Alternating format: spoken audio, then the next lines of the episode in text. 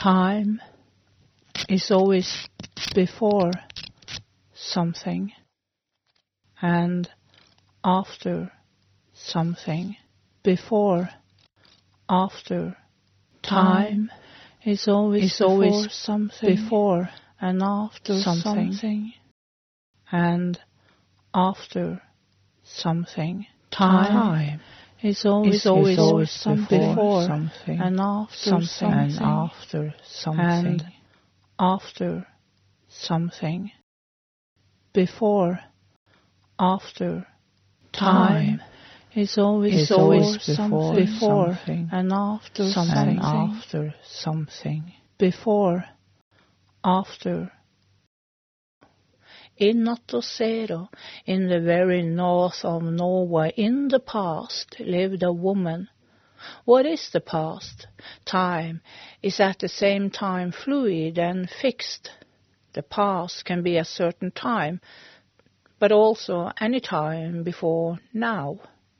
The woman was married to a reindeer hunter, and with them lived the father of her husband. Through spring and summer, everyone contributed what they needed for the winter.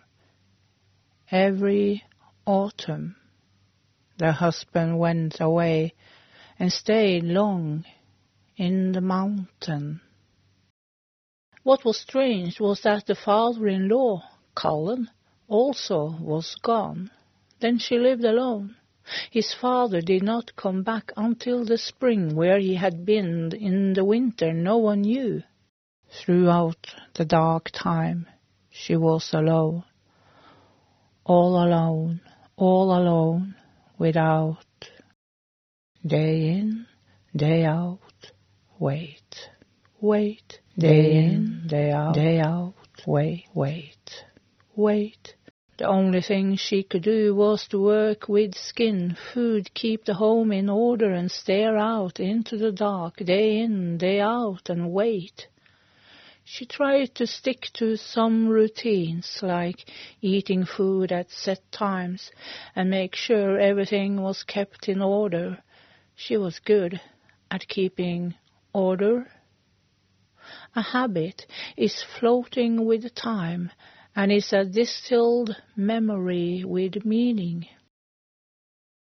Next time you move from inside to outside, note what habits you use during your transition. The habit is a continuity in my experience inside the habit, there is a meaning to my identity. The habit makes my identity maintain a structural continuity with the past.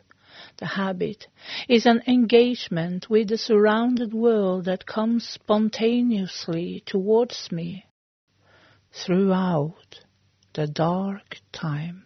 The only thing she could do was to work with skin and food and you know the order, the order of the house, and stare. Stare out into the dark, day in and day out, and wait, wait. Used to waiting, it was a habit.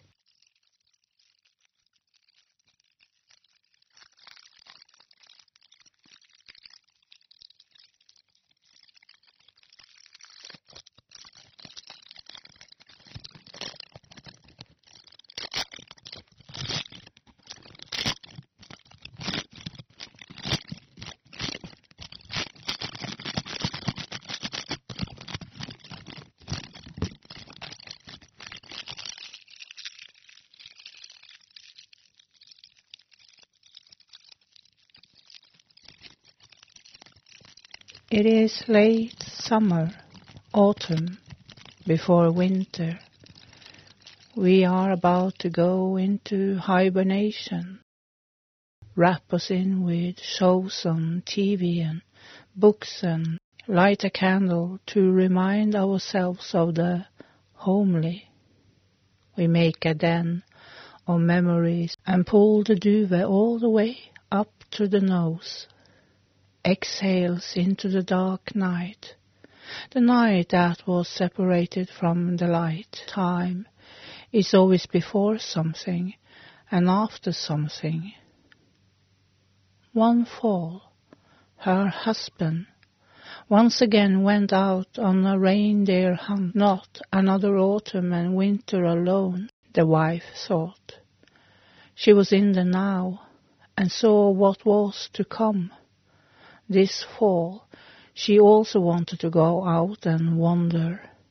She would follow the old man, go where he went, see what he did, and maybe do the same. Then, one day, the old man went out, out, and she followed secretly. He whimsically walked forward and carried the time well. She did not lose sight of him. This is a Sami story written down in 1918 and told by Isak Persson Saba in a place called Neiden. I am in my office. When I was a child and could not sleep, especially in the winter, I used to pretend to lay in a den close to the heavy fur of an adult bear who had laid the paws close around me. One day the old man went, and she secretly followed him. He walked forward and carried the time well. She did not lose sight of. She was wondering if she had put out the fire, could not turn around now. Time, requires, requires change. A place that does not change is timeless.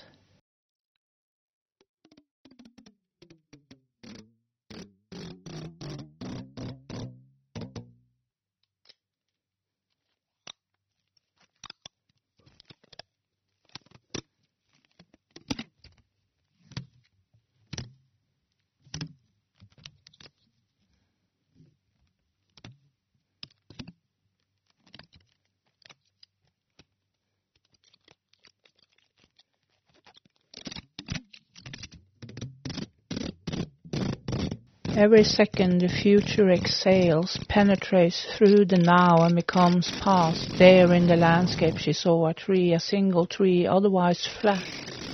The old one walked towards the tree. She walked through the heather and towards the same tree. A tree has a root in our cultural luggage. We have always let ourselves impress by the tree. It is a metaphor, a symbol. To climb in the tree is like conquering and overcoming the past.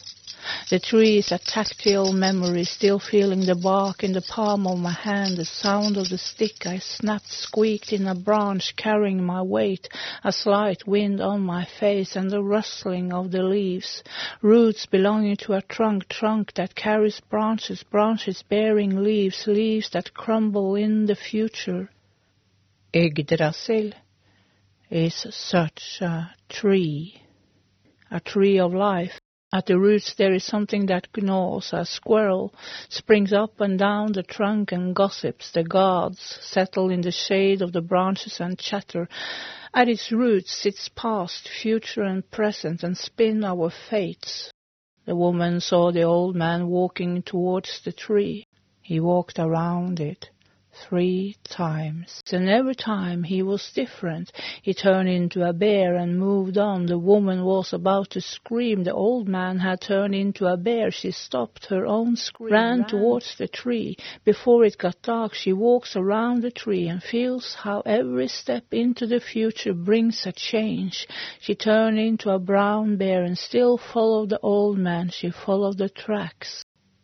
A deep sound from the old bear when it saw her. It had turned around, noticed her smell.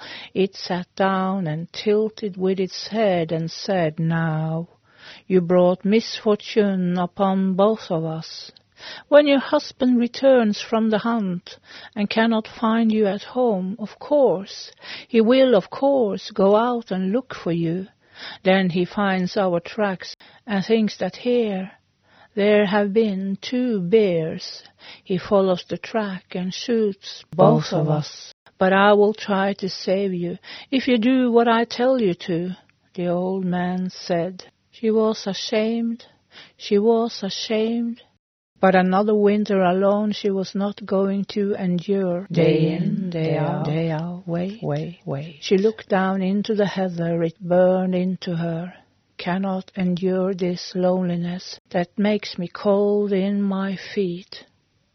The old bear said, You are going to go exactly in my tracks. So my son will think that here there has been only one bear. Now is always here. Experiences are in the now. Now she was a bear. She walked with a bowed head. She wondered if she was expressing anything through her new face. She sweated and opened her mouth. She remembered stories of bears. Always a man who was a bear. Looking up was unaccustomed. Look up and what do you see?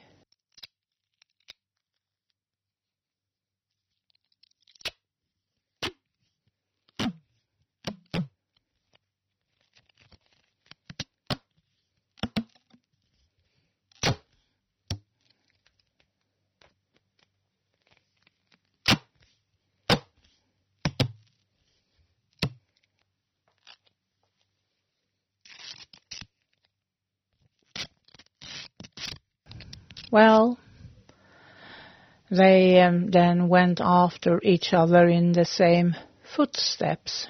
He first, and she followed in her unfamiliar body. A cold wind. Winter was about to conquer the feeling of summer. The walk was clumsy in the unfamiliar body. She walked into him. And he was annoyed. Then they crept into a cave. The old man said to her, You are going further in than me, because when your husband arrives, he thinks that there is only one bear here. I will be shot. Then my son skins the skin of the bear and spreads it out on the ground just in front of the opening. If you want to be human again, try to jump over the skin. If you can do that, you will be human again. She crawled inwards. It was dark and she was alone. So here he lay winter after winter and slept to save them, to save the small family while she had longed for company and did not want to be alone. Now she was scared, and the fear made her even more lonely. She looked down at her own body. She had claws. She did not recognize herself. She smelled like a damp stranger. It's always, it's always, always something before, something and after something, something, and after something and after something. It went the way the old man had said.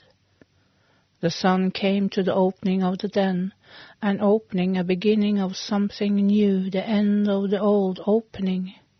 The old man went out and then, then he was shot. The son skinned their skin of the bear and spread it out on earth just in front of the cave. Far inside there, she was a shadow of who he thought she was.